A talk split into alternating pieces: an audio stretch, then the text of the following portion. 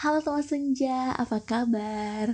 Di Q&A kali ini kita akan membahas tentang apa beda dikontrakkan dengan dikontrakan, dikontrakkan dengan dikontrakan.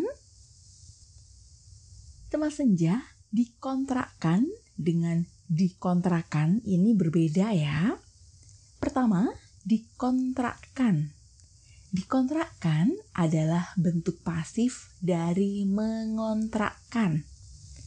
Mengontrakkan artinya menyewa rumah atau bangunan dalam waktu tertentu.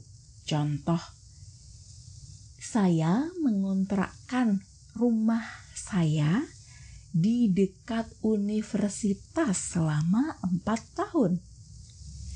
Dikontrakkan berarti ada rumah atau bangunan yang disewa dalam waktu tertentu. Contoh, rumah di dekat universitas itu dikontrakkan untuk mahasiswa. Lalu, bagaimana dengan dikontrakan?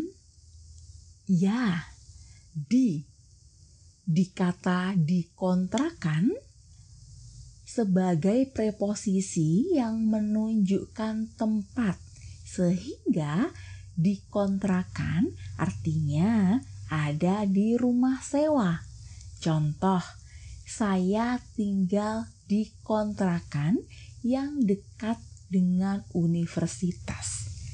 Nah, sekarang sudah tahu ya beda dikontrakan dengan dikontrakan. Sekarang coba kamu membuat satu kalimat dengan kata dikontrakan dengan dikontrakan.